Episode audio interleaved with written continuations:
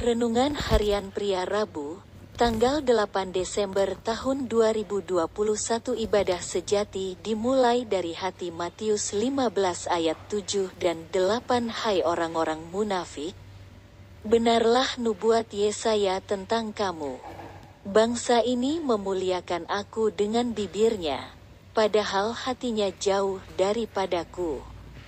Lalu Yesus menyebut orang-orang Farisi dan ahli Taurat yang lebih mentaati adat istiadat daripada perintah Allah sebagai orang-orang yang munafik. Orang yang munafik adalah orang yang merasa dirinya paling benar dan menyalahkan orang lain serta orang yang memakai topeng untuk menutupi dirinya yang sebenarnya. Orang-orang Farisi dan ahli Taurat menjalankan ibadahnya kepada Tuhan hanya dari luarnya saja.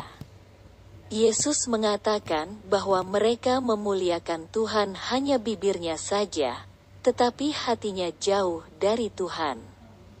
Itu artinya mereka menunjukkan melalui perbuatan-perbuatan mereka yang sepertinya sedang memuliakan Tuhan, tetapi hatinya tidak memuliakan nama Tuhan.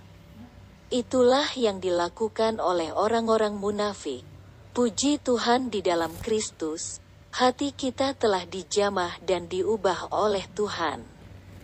Jadi kita dapat memuliakan nama Tuhan dari dalam hati kita keluar melalui bibir dan mulut kita.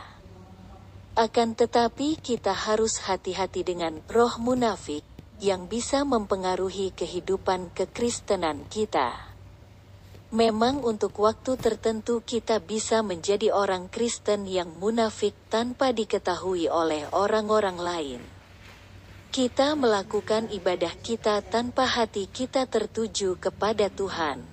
Tetapi ketahuilah, jika kita menjalani hidup kekristenan kita secara munafik, maka itu pasti akan membuat kita menjadi letih, lesu, dan berbeban berat. Jalan keluarnya adalah bertobat dan lakukanlah ibadah yang sejati yang dimulai dari hati kita dan akan diikuti oleh perbuatan kita.